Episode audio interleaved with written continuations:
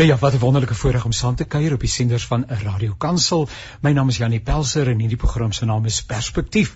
En dit is altyd 'n heerlike voorreg om op 'n Woensdag saam met jou te kuier en lekker naby te kom aan dit wat besig is om te gebeur en wat ons leefwêreld direk en indirek raak. Ons uh, is met ons voete stewig op die grond. Ons is nog hier. Die Here het ons nog gekom haal nie en uh, ek vermoed en glo dat die rede hoekom ons vandag nog hier is is omdat ons 'n verskil kan maak aan hierdie wêreld en uh, ook ons bydra kan lewer om die koninkryk van God in krag en in heerlikheid te sien kom. So dis 'n heerlike en wonderlike voorreg om saam met te kuier. Baie baie dankie en ook baie dankie aan hom Po wat vir ons die program uh, tegnies versorg en sorg dat ons uh, dan nou ook op die lug bly.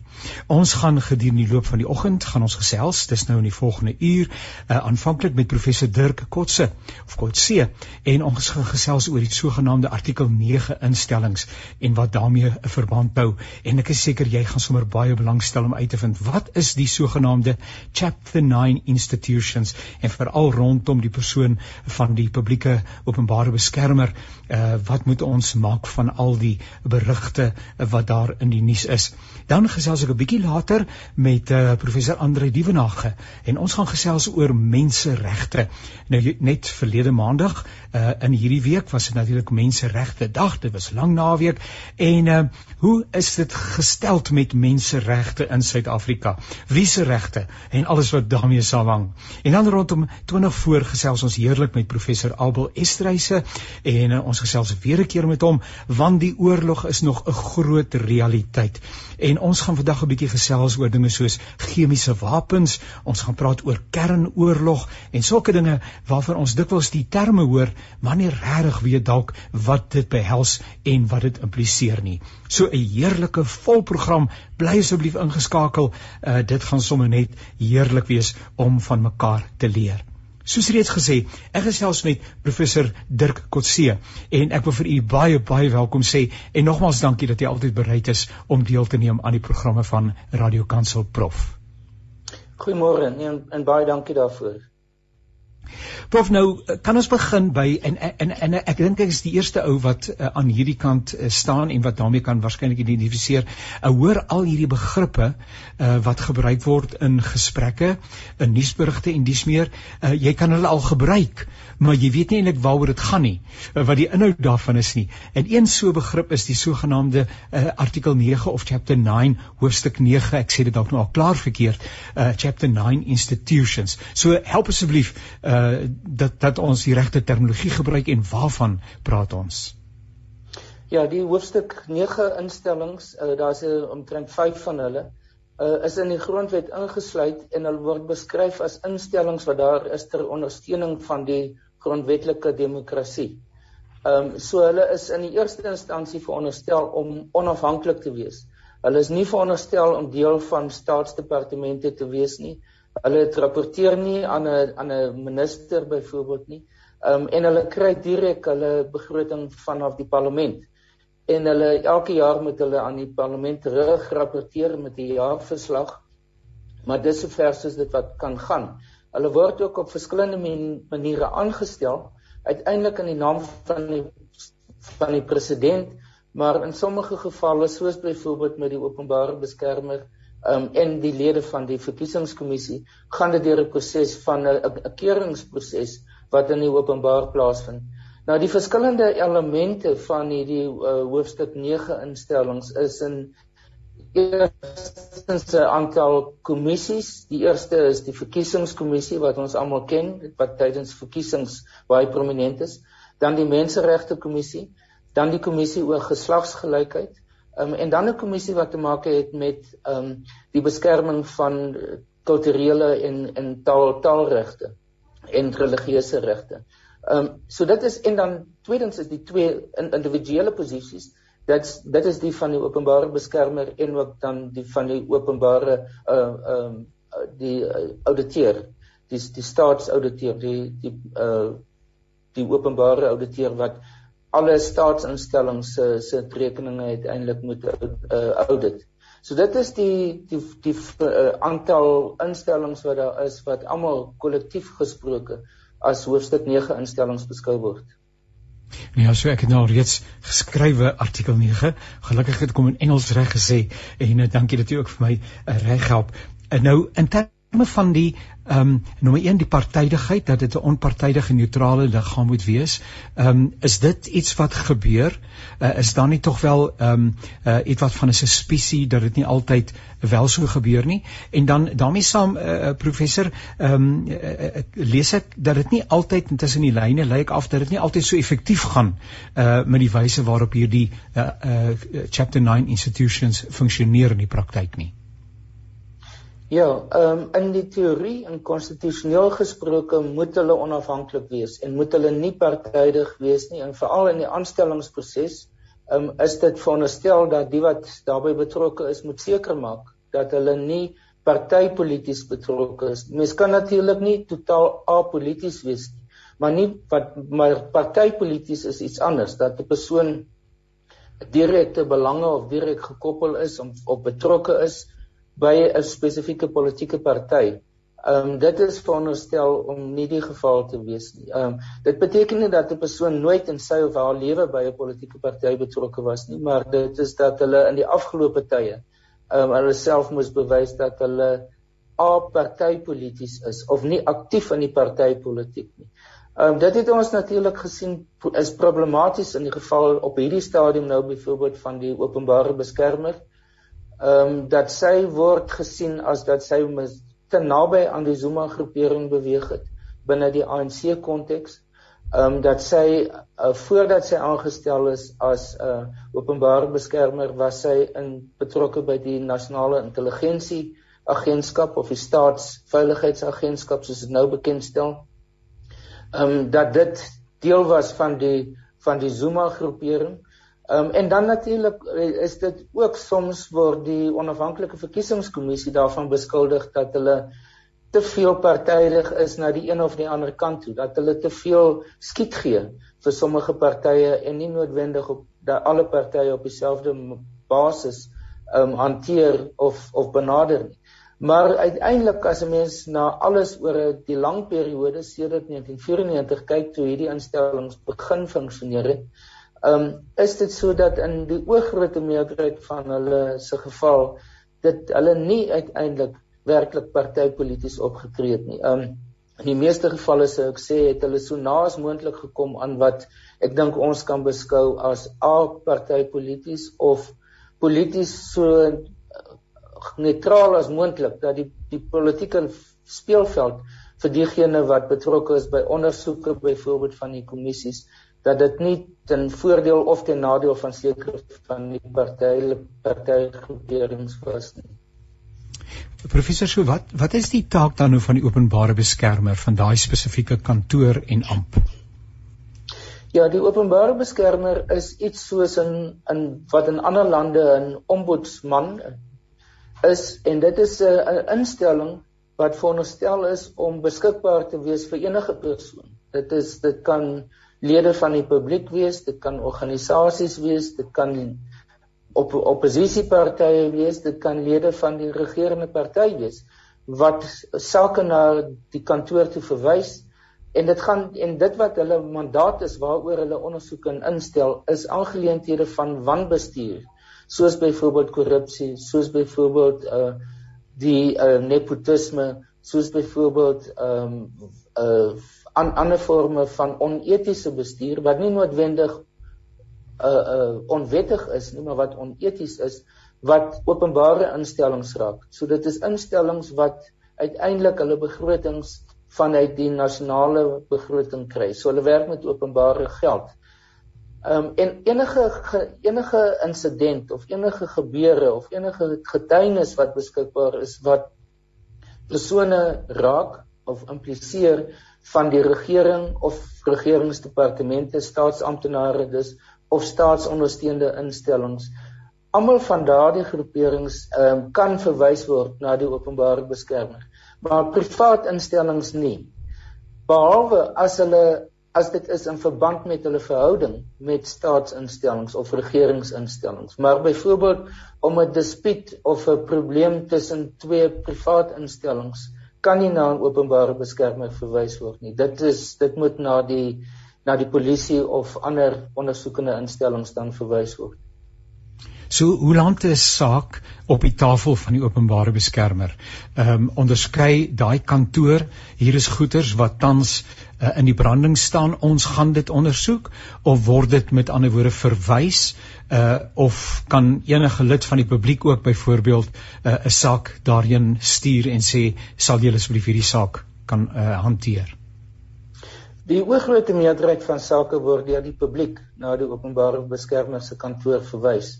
Ehm um, en daar is ehm um, en dit gaan veral oor plaaslike aangeleenthede. Dit gaan oor aangeleenthede wat te maak het met munisipale bestuur.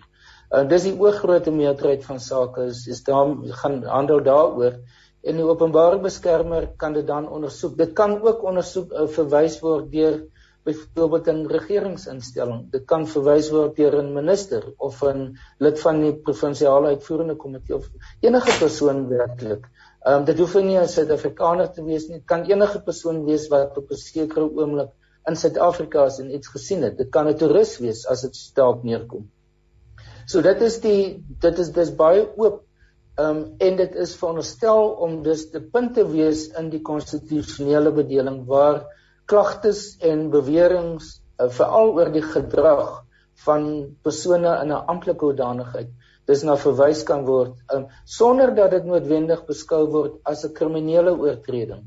Sommige goed soos korrupsie natuurlik word uiteindelik 'n kriminele oortreding, maar dit gaan soms oor oor wanbestuur of gebrek aan bestuur. Dat veral op plaaslike vlak dat daar aspekte is wat die plaaslike regering nie doen nie. Ehm um, so die gebrek aan aktiwiteite, die gebrek aan optrede kan ook na die openbare beskermer verwys word as 'n as as dan 'n geval van waar daar ehm um, nie genoeg uh, aandag gegee word aan die verantwoordelikhede van openbare uh, uh persone of persone in openbare posisies nie.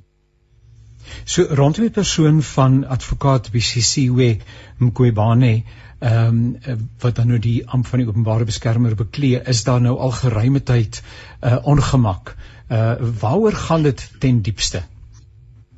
Wel die die sake wat ons nou in die openbaar van hoor is die puntjie van die ysberg, maar dit is die kontroversiële aspekte wat polities relevant geword het. Dit het te maak met byvoorbeeld daar 'n uh, verslag oor wat uiteindelik te maak het met wat ons vandag noem staatskaping. Ehm um, die en veral persone wat tydens die Zuma era in gesagsposisies was.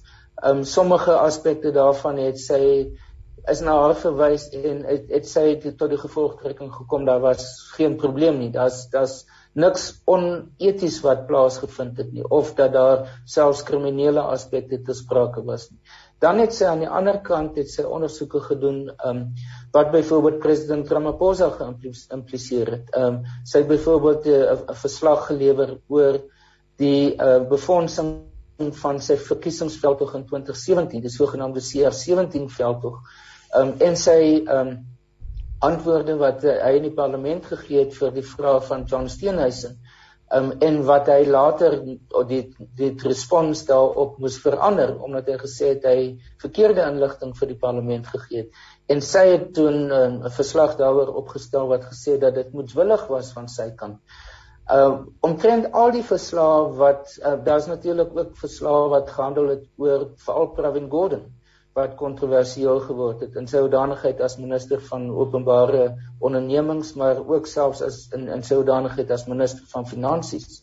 In die meeste van hierdie gevalle het die persone wat geïmpliseer is in hierdie verslag uh, dit na die howe toe geneem vir hersiening um, en die howe het dit omtrent in al die gevalle dit tersyde gestel um, en in sommige gevalle ook tot die gevolgtrekking gekom dat dit ongrondwettig is die gevolgtrekkings of aanbevelings wat sy gemaak het. En in baie gevalle het hulle selfs gesê dat sy nie genoeg van die reg verstaan, die Suid-Afrikaanse reg verstaan en sê dat sy die Suid-Afrikaanse reg verkeerd geïnterpreteer het. Um en dus in terme van die reg 'n fout gemaak het in haar verslag. So is die probleem, uh, ja, ek weet dat 'n mens oordeel nou 'n persoonlike uh, gedagte seker, maar gaan dit oor bekwaamheid uh, of sou u sê dat dit gaan oor ander affiniteite en loyaliteite wat uh, deur deur deurgangs uh, met ander woorde 'n uh, belangrike rol speel? Ek dink dit is 'n kombinasie van die twee. Ehm um, wat ons op die oomblik nou sien wat besig is om plaas te vind in die parlement is dat die grondwet maak voorsiening daarvoor dat die parlement die openbare beskermer van haar pos kan onthef 'n sogenaamde impeachment wat soortgelyk is aan die van die wyse waarop 'n president onthef kan word. Maar dit is op grond van nie politieke oorwegings nie, maar oorwegings in terme van haar bevoegdheid en haar ehm um, kennis van die die die Suid-Afrikaanse reg op die reg wat besprake is in is in die verskillende gevalle en hoe sy dit kan toepas. Ehm um, en dis van bekwaamheid of onbekwaamheid. Um, en dit is wat op die oomblik voor die parlement is is is dat uh, hulle is besig die DA het 'n baie omvangryke mosie voorgelê wat deur 'n proses gegaan het eers 'n paneel van 3 persone wat van buite die parlement aangestel is insluitend 'n regter um, om 'n verslag op te stel om deur die mosie van die DA te gaan en te bepaal of daar genoegsame gronde is vir so 'n proses om haar posisie te ondersoek as parlement. Uh, dit is reeds afgehandel en nou die parlement 'n komitee saamgestel bestaande uit die verskillende partye om in diepte ehm um, die ondersoek te doen wat ook sal insluit dat sy as die as die sittende openbare beskermer kan self getuienis lewer voor die komitee met die hulp van haar regsverteenwoordigers. So dis waar ons op die oomblik staan. So daar is definitief ehm um, 'n baie sterk gevoel onder 'n wye spektrum van politieke partye en Suid-Afrikaners in die algemeen en ek sou sê met die uitsprake van die regbank dat daar 'n gevoel is dat sy nie die gepaste persoon in hierdie posisie is nie. Maar natuurlik is daar omdat dit lyk asof sy ten gunste uh gerapporteer het van persone wat naby aan president Zuma beweeg, beweeg het en teen persone wat wat nie naby hom is nie wat eintlik as sy opponente gesien is dat daar 'n mate van ehm um, van guns in die kant van van die Zuma groepering is. Ehm um, so dit dit is ongetwyfeld daar. Dit is nie iets wat weggewys of weggepraat kan word nie. Ehm um, maar uiteindelik is dit wat die parlement mee besig is is is nie om dit in ag te neem nie. En hulle kan dit nie as argument gebruik in hulle al, algemene of finale besluit oor haar toekoms nie. Die EFF is uitgesproke krities oor hierdie laaste beweging uh waar sy moet redes verskaf waarom sy nie waarom sy die amp nie behoort te ontruim nie. Uh hoekom sou hulle uh so in die stof vassteek? Dis ironies dat hulle aanvanklik by haar aanstelling want hulle was deel van daardie komitee, die keerkomitee wat haar aanstelling gedoen het of die die aanbeveling aan president Ramaphosa gegee het ehm um, eintlik aan aan uh, ja aan aan president Zuma nog ehm um, is dat hulle daarteen gekant was. Hulle was gekant teen haar aanstelling om verskeie redes, onder andere as gevolg van haar nabyheid aan die intelligensiediens. Ehm um, en die feit dat sy ook gesien is as 'n persoon wat nie genoegsame regsagtergrond en regs uh, ervaring het nie. Ja. Ehm ja. um, in die tussentyd het hulle vir dit verander omdat sy begin baie krities word geword het in haar benadering teenoor veral Pravin Gordhan. En die EFF het terselfdertyd na die Zuma era ook begin om vir Pravin Gordhan as minister uh, te teiken. En ek dink daar het 'n gemeenskaplikheid ontwikkel rondom dit en hulle het uh, gehoop dat uiteindelik die openbare beskermer waarskynlik verslae sou kon indien of ter tafel lê wat die einde van Pravin Gordhan sou beteken want uh, en dit is 'n gekompliseerde onderwerp op sy eie is die verhouding tussen Pravin Gordhan en die EFF.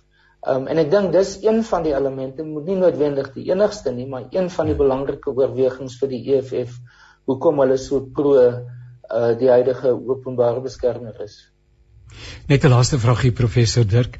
Ehm um, dit lyk vir my dis baie baie moeilik om van iemand ontslae te raak as hy eers 'n sekere stoel uh ingeneem het.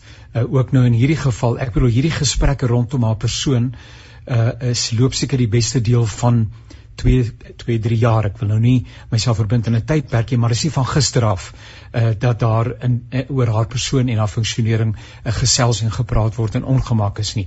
Uh, uh hoekom is dit so moeilik om van mense, dis 'n lelike woord, ontslae te raak om hulle te beweeg uh, as hulle eers in 'n situasie is in Suid-Afrika? Wel waarskynlik omdat die hulle konstitusionele kon, uh, posisies beklee en die grondwet hulle beskerm um, om seker te maak dat daar nie besluite vir of teen hulle geneem word wat eintlik partypolitiese besluite is en wat nie gegrond is in die nodige uh, oorwegings en die prosesse wat moes plaasgevind het.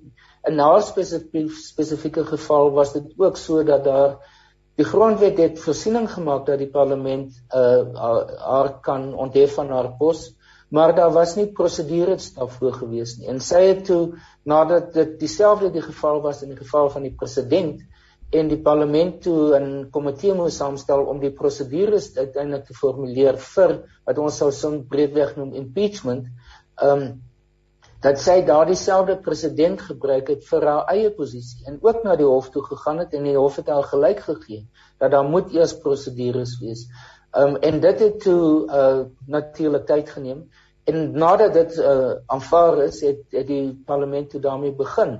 En toe sy weer hof toe omdat sy gesê het dat die die noem maar die aanklag van die DA um is nie aan haar gegee voordat dit in die openbaar bekend gemaak is nie en dat dit op sigself prosedureel onregverdig was. En dit het 'n ander hofsaak eers geneem voordat daar uitsluitsel daaroor gegee is. En dis waar ons nou op die oomblik staan is dat hierdie verskillende aspekte is nou deur die hof uitgesorteer.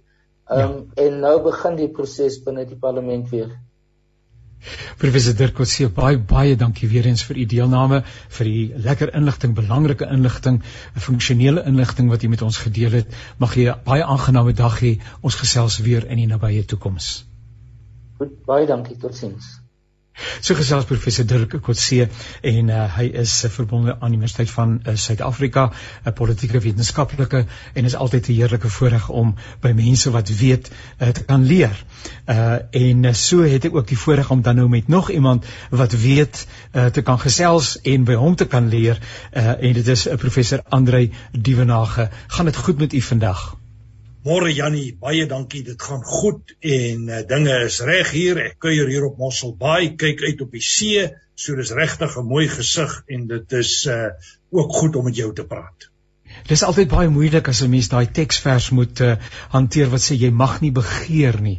En dan praat iemand nou so vanuit 'n uh, uh, uitsig oor die see met jou en dan uh, dan sê jy ag, maar Here, U verstaan daarom seker, né? Nee, so uh, is 'n bietjie met vakansie met verlof professor? Ja, ja, Janie, inderdaad, 'n bietjie met verlof, so 2 weke tot einde volgende week en dan se weer terug na die soutmyne toe en die akademie ja. en al die dinge. Nou dis nie tenstaande die tyd ingryp om vanoggend saam met ons te kuier. Baie baie eh, dankie daarvoor. Ek waardeer sommer dit baie namens ons luisteraars. Nou, uh, professor, ek wil graag met u gesels oor um, menseregte. Dit was mos nou maandag sogenaamde menseregte dag uh, in Suid-Afrika. En um, miskien kan u bietjie net vir ons agtergrond gee oor die baie interessante dag, mense uh, regte dag uh, ter aanvang asseblief. Ja, uh, ek dink Janie, 'n mens moet 'n historiese konteks daaraan gee en ek wil twee kontekste uh, hier identifiseer. Die een konteks is dat veral in jou westerse geskiedenis, maar ook in jou breë geskiedenis, het owerhede in die verlede baie onsimpatiek opgetree teenoor die burgery, teenoor mense se belange, is hulle onderdruk, is hulle verslaaf. En met die opkoms van demokrasie, die hele idee van groter vryheid en daarmee saam 'n klomp ander dinge, het die regte van mense al hoe sterker op die voorgrond getree. En is owerhede geforseer om via kontrakte en hier het ons altyd gepraat van die kontrak tussen owerheid en onderdaan het die burgery bepaalde regte bekom en die gevolg was dat uh, daardie regte deur die owerhede eerbiedig moet word en die proses wat jy nou pas met professor Dirk Coetzee bespreek het is 'n voorbeeld van die tipe instellings hierdie artikel 9 instellings in ons grondwet wat moet toesig hou dat menseregte en hulle belange gehandhaaf en bevorder word. Dis die een lyn wat ek wil trek. Die tweede lyn wat ek wil noem is dat ons ook in die geskiedenis 'n koloniale geskiedenis gehad het en die koloniale geskiedenis het baie sterk daarmee 'n rasdefinisie gehad dat een rassegroep eintlik ander rassegroepe geëksploiteer en gedomeineer het. En daai proses is natuurlik gekontinueer binne die Suid-Afrikaanse samelewing in wat ons genoem het apartheid. En toe ons in die 80er jare nou die stryd teen apartheid gehad al voor daai tyd begin wat natuurlik uitgeloop het op die onderhandelde skikking, het ons 'n besluit geneem om met 'n menseregte benadering voort te gaan. En die menseregte benadering was eintlik om te kyk hoe kan ons op nie rassegronde gronde mense beoordeel en mense as dit ware gelykstel aan mekaar dat almal oor gelyke regte beskik? En dit was dan 'n poging geweest om 'n nie rassige nie seksistiese samelewing na 94 tot stand te bring. Nou hier moet ek ongelukkig sê dat ten spyte van baie goeie ideale het ons vandag steeds met ernstige rasgebaseerde uitdagings te maak. 'n Mens kan bloot dink en dis ook maar 'n vorm van rasisme, die vorm van xenofobie wat deesdae van dag tot dag uitspeel in ons samelewing, die hele konteks van vreemdelinge haat. Ongelukkig moet ek sê en hier moet ek 'n stapie teruggee na apartheid toe. Met apartheid het ons openlik wette geformuleer wat een ras bevoordeel bo ander rasse.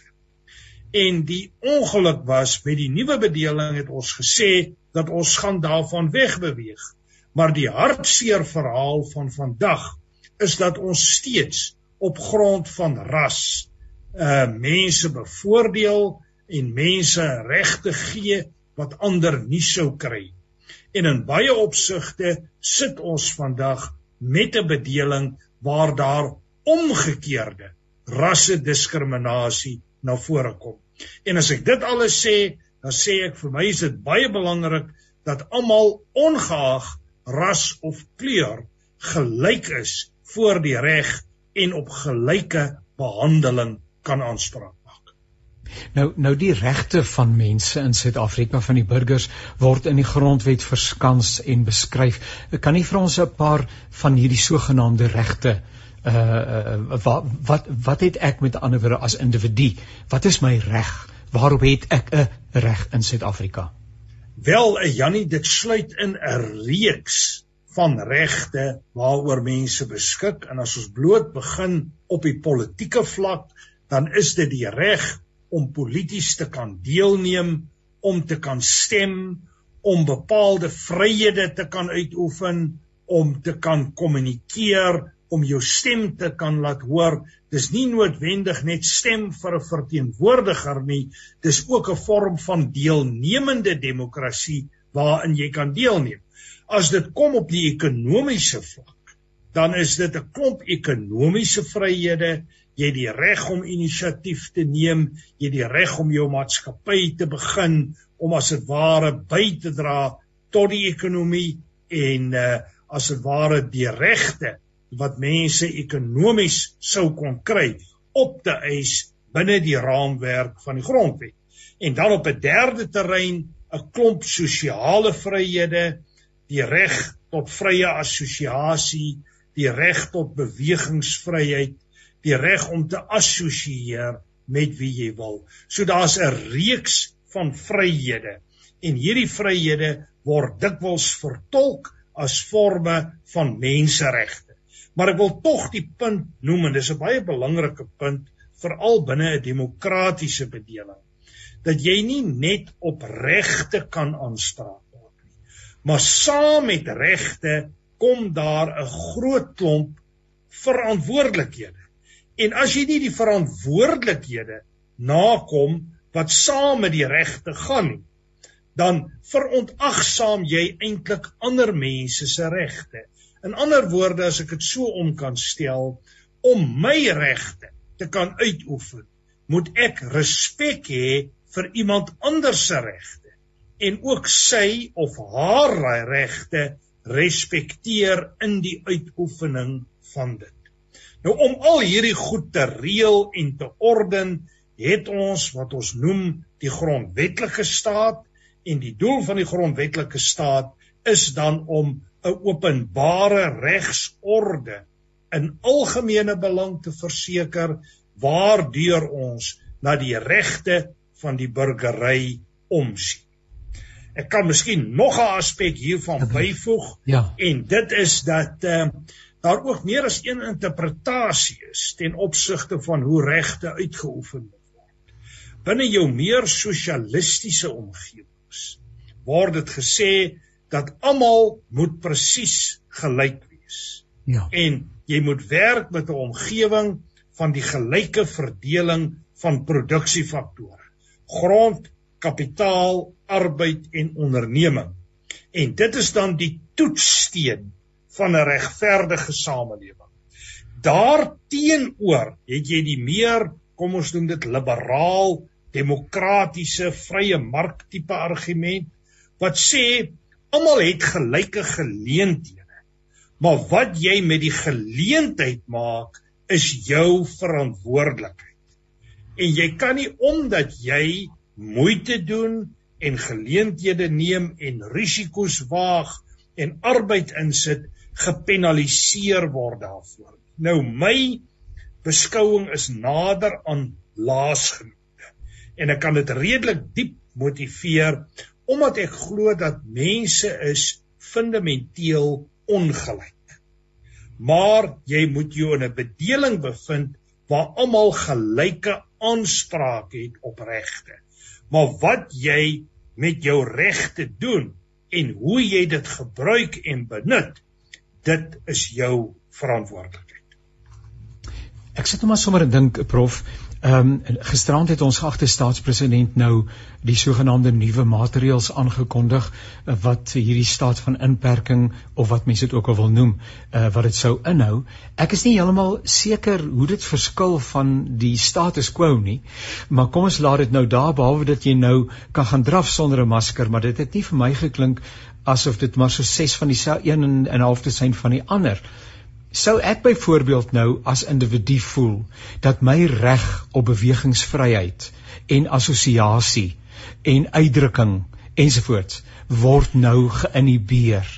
Uh is dit nou net om terug te gryp? Is dit nou die kantoor van openbare beskermer? Waartoe gaan ek nou as ek sê nee my my my, my regte word prinsipieel ehm um, word nou geraak? uh terwyl die grondwet sê maar ek het die reg op assosiasie, ek het die reg op bewegingsvryheid ensovoorts ensovoorts.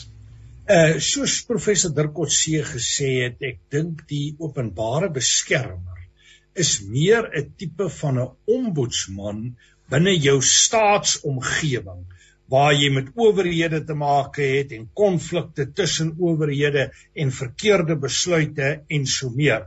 Ek ja. dink die saak wat jy aanraak wat my betref lê meer op die terrein van die menseregte kommissie. Maar nou moet ons onmiddellik hier 'n konteks gee aan dit. Onthou net dat met die hele COVID maatreëls is ons onder 'n tipe van 'n uh, 'n nasionale, ek wil amper sê 'n semi noodtoestand in terme van uh die wet op uh krisis krisisbestuur en krisishantering. Ja, nasionale national disaster, uh, nasionale rampwetgewing.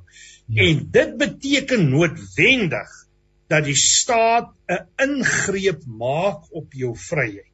Ja. Dit hang maar saam met 'n noodtoestand konteks en dat jy dan baie moeilik daarteenoor sal kan reageer en kan optree. En ons het gesien hoe daar bepaalde sake teen individue gemaak is. Ek onthou dat 'n minister in die moeilikheid was wat nie 'n masker gedra het nie. Ek onthou dat Karel Neus in die moeilikheid geëindig het. So daar kan optrede wees, maar dit geld onder 'n spesifieke stel van omstandighede. En ek dink die menseregte kommissie is hier die adres eerder as die openbare beskermer. Nou, professor, 'n persoonlike mening. Sou u sê dat die owerheid wie kom ek begin miskien daar. Wie se verantwoordelikheid is om daardie atmosfeer en konteks te skep waarbinne die burgers hulle regte kan uitoefen uh, in die eerste plek en dan word daarin hoegenaamd geslaag in Suid-Afrika as mense onmagtig en onbemagtig bly Ehm um, dis nou een ding om te sê ek mag 'n besigheid begin, maar as ek nie toegang het tot middele nie, as daar nie werk is nie, as daar nie ensvoorts, ek het 'n reg om 'n plek te hê waar kan bly. Maar eh, maar maar dit is alles net wensdenkerry dit lang tussen hemel en aarde en hier en daar is daar 'n bevoordeelde persoon. So wie met ander woorde moet die konteks skep die atmosfeer waarbinne mense hulle regte kan opneem. Wat beteken 'n reg as jy niks daarmee kan doen nie? Janie, ek dink is 'n baie belangrike en 'n baie goeie vraag wat jy vra. Natuurlik word die inhoud hiervan bepaal deur wat ons nou maar noem in die akademie jou beskouing van die staat en hoe groot ag jy die taak van die staat. En hier werk jy aan die een uiterste en dis veral uh geassosieer met demokrasie is die hele gedagte van 'n minimumstaat. Die gedagte is dat die staat moet absoluut op die minimum inmeng in die lewensterreine van sy burgers en maksimum geleenthede gee aan die burgers om hulle self uit te leef. Dan kry jy op die ander ekstreem die totalitêre staat waar die staat sê ons neem totale beheer van alles en dit is ons taak en ons plig om in alles te voorsien. Ja. Nou die Suid-Afrikaanse staat probeer 'n bietjie van 'n tussenposisie kry. Ons praat van die ontwikkelingsstaat, die Engelse term is the developmental state. En die argument is dat hier 'n samewerking moet wees tussen diegene wat vry is en die wat meer afhanklik is van die staat. Daarom kry jy 'n situasie dat omtrent 3 miljoen burgers in Suid-Afrika betaal 80 tot 90% van die private belastinggelde in Suid-Afrika. Daarteenoor kry meer as 20 miljoen mense sosiale en maatskaplike toelaag. So ons staat is 'n mengsel tussenin. En eintlik kan jy beweeg afhangende van jou posisie uit die een omgewing na die ander omgewing. Maar laaste punt hier, vir my is die ideale staat 'n staat waar jy jou burgers bemagtig om vir hulle self te kan sorg en waar jy mense se afhanklikheid van die staat so min as moontlik maak. En ek dink hier fouteer ons regering, ons het te veel mense wat te veel afhanklik is van die staat. En ek dink dit moet ons probeer regstel op 'n manier. Aan die ander kant sit ons met 'n werklikheid van meer as 50% mense wat in armoede lewe en wat hulp nodig het en vir wie ons nie kan ignoreer nie. So die staat het hier 'n baie komplekse taak. Ek dink nie hier is 'n enkele riglyn wat jy net kan neem en onder alle omstandighede kan toepas nie. Jy het 'n komplekse benadering nodig vir 'n komplekse situasie. Professor Andre Dievenage baie baie dankie dat u u vakansie iets wat onderbreek het. Hoe gaan daardie braaivleis sonskyn en wat is die derde jou Chevrolet nê? Uh nou ja, ek gou dis braaivleis sonskyn en die pragtige see en uh, dat u heerlik gaan uitrus. Groete vir u mense en ons kuier in die nabye toekoms weer saam. Baie baie dankie vir u beskikbaarheid. Baie dankie Jannie, altyd 'n voorreg. Seënwense en totsiens. Nou ja, so gesels uh, professor Andre Dievenage en uh, hy het sy vakansie by Mosselbaai ietwat onderbreek om met ons te gesels oor uh, menseregte. Ons het net die afgelope maandag menseregte dag gevier uh, hier in Suid-Afrika en uh, ons het ook met professor Dirk Kotse gesels oor die uh, amp van die openbare beskermer en al die uh, gevoelsmatighede wat daar rondom uh, haar as persoon en haar funksionering is. En nou is dit vir my weer 'n heerlike voorreg om te gesels met professor Abel Estreise en uh, hy is 'n man wat weet van oorlog maak. Professor, u kan die mikrofoon aanskakel en u kan u kamera aanskakel as u wil en, en dan kan ons mekaar sien en uh, baie baie baie dankie dat u weer 'n keer die tyd inruim regtig op kort kennisgewing om saam met ons te kuier. Dit gaan goed met u? Dit gaan goed, Janie. Ons het 'n heerlike weer, weer aan die Weskus, so amper half vir Pretoriaanse weer, donder weer en somer weer. Ja, ja. Dis absoluut wonderlik. Nou professor, ons het die afgelope 2 weke het ons al gesels oor 'n uh, saak wat vir die beste deel van 4 weke reeds met ons is. En dit is die die hartseer werklikheid van oorlog in Oos-Europa uh, met al die dinge wat daaraan verbonde is. Dalk net voordat ek ek wou vir u 'n paar uh, meer tegniese vrae vra, maar dalk net eers oor u eie perspektief oor waar staan dinge tans soos wat u dit nou uh, opsom. Ja nee ja, ons dink ek het 'n tweede fase van die oorlog in die Oekraïne betree omdat dit wil voorkom asof die uh, Russiese magte heelwat op die defensief gegaan het. Hulle is nie meer so offensief in hulle benadering nie. Maar dit beteken 'n paar goed. Dit beteken enerzijds dat hulle uh, toenemend meer veg soos die Russe eintlik bekend geword het uh deur die gebruik van massa artillerie en massa vernietiging en hier praat ek van area vernietiging. Uh so dis die eerste punt wat ek wil maak. Die tweede punt wat ek wil maak is dat as jy massa vernietiging vooropstel, ehm um, het jy ongeluk ongelukkig ook ma massa logistiek nodig. Ehm um, daardie daardie artillerie geskit wat hulle gebruik om ehm um, die stede mee plat te vee uh moet op 'n manier inkom tot by die artillerie en so die die die lang logistieke lyne maak en skep nou geleentheid vir die vir die Oekraïners om uh, uh regtig tot die offensief oor te gaan. En dis inderdaad wat ons gesien het die laaste 2 dae ehm um, waar die Oekraïners in die noorde veral rondom die hoofstad Kiev uh, baie baie sterk op die voorgrond getree het en eintlik die russe begin terugdryf het. Ehm um, so in die in die akademiese wêreld praat ons van 'n attrisionele benadering tot oorlog. Ons sien nou 'n attrisionele benadering tot oorlog na vore kom en hierdie attrisionele benadering gaan ook in in uh, Rusland uitspeel want uh, Putin gaan toenemend blootgestel wees in in uh, Rusland uh, soos die Russiese ekonomie onder druk kom soos daar tekorte begin toeneem en uh, hy sal sy uh, sy agterdeur mooi moet dophou want ek dink uh, daar gaan toenemend weerstand uh, begin opbou teen uh, Putin in uh, die Russiese politieke stelsel. Is die woord artillerie is dit 'n gemeenterm vir alle forme van wapentuig? Ek het nou 'n bietjie gekyk op die internet wat ek ek ek hoor my gemoed eh, grof geskit en artillerie en toe kyk ek nou op die internet wow. sien gebruik hom ook so. Nou wat is nou grof geskit en wat is of is artillerie is met ander woorde alles wat mense kan inspann well, om ander mense te stuk te skiet? Ek sal dit ek sal dit beskryf aan die hand van van twee uh kenmerke van artillerie geskit. Artillerie geskit is gewoonlik indirekte wapens, met ander woorde, ehm um, hulle hulle hulle gooi hulle hulle wapentuig uh met 'n boog deur die lug en dit gebruik eintlik maar die die ehm um, die uh aantrekkingskrag van die aarde om die teiken te tref. Ehm um, en daarom is dit ook nie baie akkurate wapens nie. Dit is en dis die tweede punt wat ek wil maak oor artillerie. Hulle is nie puntwapens nie wat wat spesifieke teikens kan vernietig nie.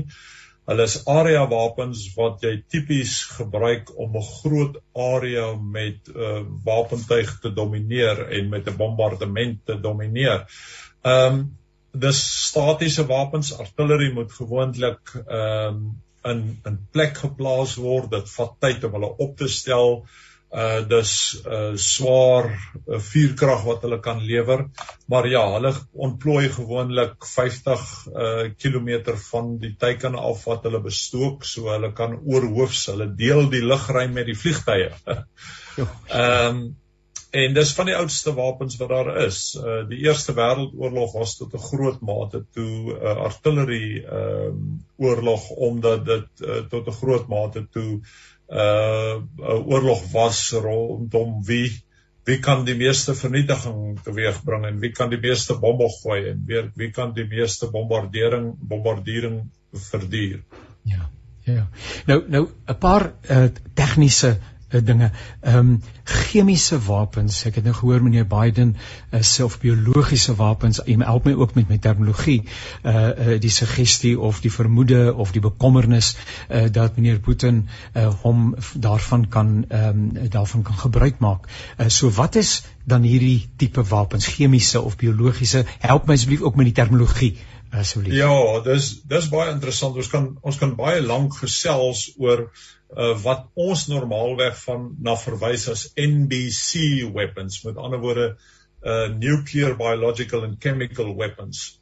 En elkeen van hulle het maar 'n bepaalde betekenis betekenis maar saam gegroepeer uh word hulle meestal beskryf as weapons of mass destruction. Nou hoekom sal 'n mens nou die die kernbiologiese en en chemiese wapens as as wapens van massavernietiging beskryf. Dood eenvoudig omdat jy uh, dan nie kinetiese wapens gebruik om mense te dood nie, maar dat jy dan deur middel van chemiese en biologiese stowwe uh waar gebruik om om mense op 'n ondiskriminerende dit is belangrik want ek dat dat ons daardie punt maak op 'n ondiskriminerende manier uh, te vernietig. En daarom is is biologiese en chemiese wapens ehm uh, onwettig in terme van die Geneefse konvensie.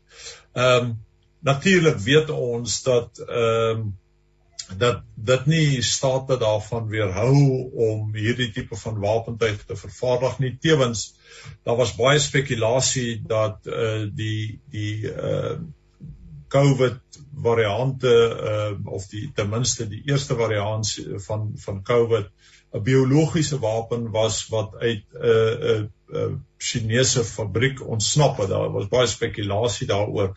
En ja. en die effek van COVID is eintlik ehm uh, 'n baie goeie illustrasie van wat uh, biologiese wapens in staat is om om te doen. Chemiese wapens uh is natuurlik meer ingestel op die die slagveld self. Ehm um, en en dit word gebruik om veral die die vel en die oë en die lugpyp en die longe van die persoon wat daaraan blootgestel word uh, aan te val en op daardie manier uh mense te dood of hulle dan buite aksie te stel. Um baie gevaarlike wapens. Ons het al die gebruik van chemiese wapens gesien in oorlog in die Eerste Wêreldoorlog. Ehm um, maar ons het nog nie die grootskaalse gebruik van biologiese wapens gesien in oorlog nie. En dit sal baie interessant wees. Daar's daar's tevens baie interessante verhaal rondom chemiese wapens in in Suid-Afrika gedurende die Tweede Wêreldoorlog. As ons tyd het, kan ek uh, eendag daaroor praat. Nou nou nog 'n term is dan nou ehm um, kernwapens. So uh, wat is dit wat is kernwapens dan nou in die gevaar wat daaraan verbonde is? Ja, kern kernwapens is uiteraard uh wapens wat uh deur middel van kerntegnologie uh baie keer aangedryf word maar maar veral die vernietigingspotensiaal wat uh kernwapens uh self het deur die bestraling wat met kernwapens en natuurlik die grootskaalse vernietiging van kernwapens uh Ons weet dat die Tweede Wêreldoorlog tot 'n groot mate toe ten einde gekom het as gevolg van die die gebruik van kernwapens. Ehm uh, maar sedert die Tweede Wêreldoorlog het ons eintlik 'n tradisie sien ontwikkel van die nie gebruik van kernwapens nie.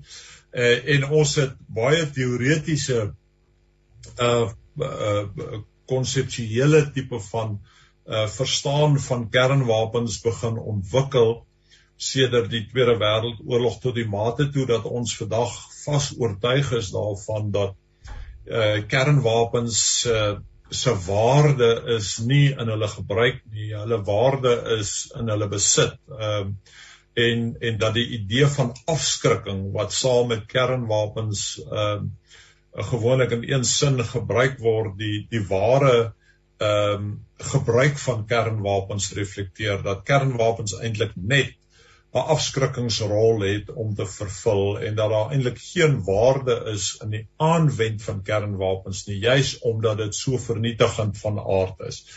Ehm um, ons het dit gesien dat dit inderdaad die geval was sedert die einde van die Tweede Wêreldoorlog en interessante teorieë is ontwikkel oor die gebruik van kernwapens.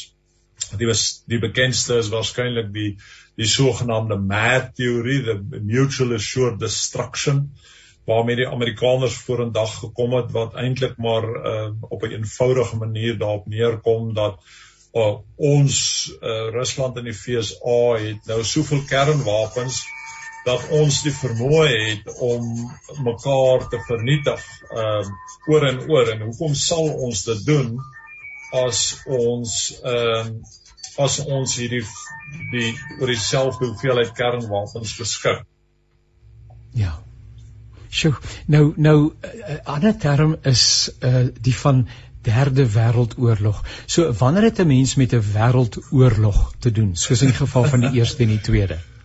Ja, dis 'n interessante vraag, Jannie. Ehm um, daar's natuurlik uh miskien moet ek die vraag antwoord deur deur die die teenvraag te te uh te te antwoord en en dit vra maar hoe beperk jy oorlog? Want tot 'n groot mate ehm um, is die tweede eerste en tweede wêreldoorloë beskryf as wêreldoorloë omdat hulle tot 'n groot mate toe onbeperk was. Nou nou wat wat bedoel ons as ons sê onbeperk? Nou ekskuus profet, het nou net 2 minute om daai vraag te antwoord. Ek sien die tyd so, het ons so uithaal, maar vertel so vir ons jy beperk ja. oorlog deur dit te beperk tot 'n bepaalde geografiese gebied soos ons inderdaad nou sien in die Oekraïne.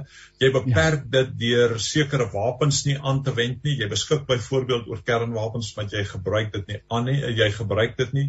Jy beperk 'n oorlog deur sekere teikens nie aan te val nie. Die Oekraïne het byvoorbeeld self baie uh, kerninstallasies, maar jy val hulle nie aan nie. Ehm um, en en dan uh, beperk jy dit deur deur dood eenvoudig die hoeveelheid mag wat jy gebruik om om om te veg in 'n oorlog. So daar's bepaalde maniere waarop jy 'n oorlog kan beperk. En ehm uh, die Tweede Wêreldoorlog en die Eerste Wêreldoorlog word maar tot 'n groot mate toe as wêreldoorlog beskou as gevolg van die die omvang van die wapentuig die geografiese areas waarin dit plaasgevind het die teikens wat basies onbeperk was so die die onbeperktheid van die oorlog het tot 'n groot mate gelei tot die tipering daarvan as wêreldoorlog. So jammer dat ek vir die kort geknip het. Ek is nee, ek het nog 'n arsenaal van vrae wat ek graag wil vra en uh, ek gaan dit uh, definitief ook in die nabye toekoms doen. Baie baie dankie uh, professor Abel ook vir die insigte wat u met ons gedeel het. Mag jy 'n baie baie aangename dag hê en dis heerlik om van u te leer. Seënwense dan ook vir u. Dankie Janie. Professor Abel Estreise wat met ons gesels het oor 'n klompie tegniese uh, aspekte van oorlog en dit is 'n verskriklike ding nê.